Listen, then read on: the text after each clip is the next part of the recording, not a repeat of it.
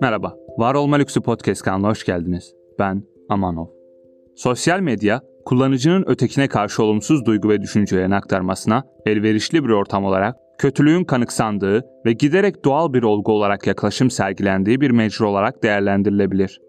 Kötülük durumları bireyin kendisinden doğmakla birlikte sosyal medya sahip olduğu özellikleri gereği kötülüğün söylem biçimiyle kendini ortaya çıkarmasına imkan tanımaktadır.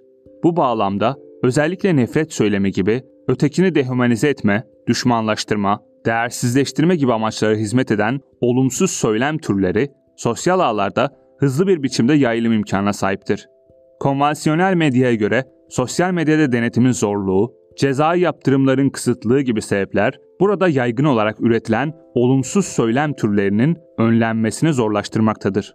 Bu söylem türleri internet ortamında dolaşma girerek zamanla nefret suçlarına kaynak teşkil etmektedir. Sosyal ağlarda yüz yüze iletişimin yoksunluğunun getirdiği sorumsuzluk ve anonim kimliklerle paylaşımın imkanı gibi nedenler bu mecrada kötülüğün var olma potansiyelini etkilemektedir.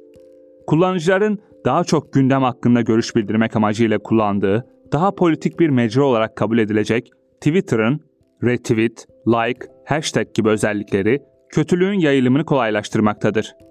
Veri toplama aşamasında okunan pek çok içeriğin hemen hemen aynı olması, benzer ifadelerin kullanılması, sosyal medyanın belirli eğilimler yaratma ve yayma yönünü açıkça yansıtmaktadır.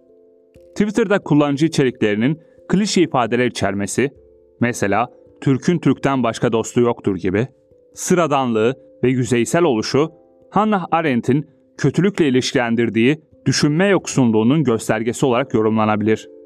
Konvansiyonel medyada haber olan bir olay, Twitter'da Trending Topics listine girebilmekte, hızlı bir şekilde ve anında tartışmalar başlatarak kullanıcılar arasında fikir çatışmaları ve kutuplaşmalar yaşanabilmektedir. Bu bağlamda ağın geniş kitlelere mesaj ulaştırabilme özelliğinin dezavantaja dönüştüğü görülebilmektedir.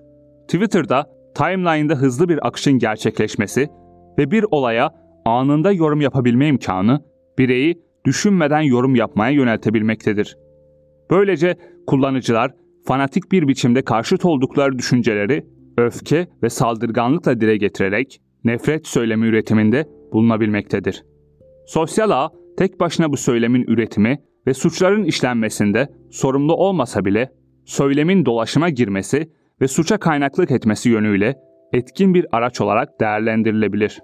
Sosyal medyanın bireyi içerik üretmeye teşvik etmesi ve ortamın denetlenmesinin zorluğu, nefret söylemi üretimi ve yayılımının sosyal ağlarda kolaylıkla kendini göstermesine yol açmaktadır.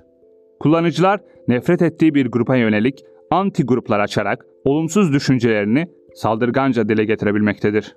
Türkiye'de en çok nefret söylemi üretimine maruz kalan topluluk olarak Suriyeli mültecilere yerli halkın tepkisinin giderek büyümesinde de sosyal ağların etkili olduğu söylenebilir.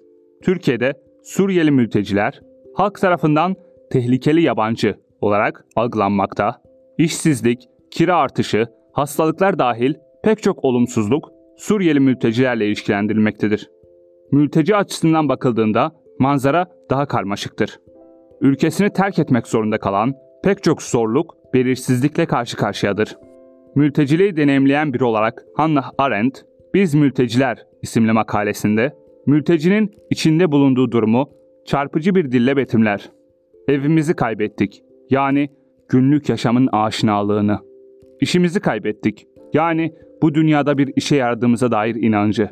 Dilimizi kaybettik. Yani tepkilerin doğallığını, jestlerin basitliğini, duyguların serbestçe dışa vurumunu.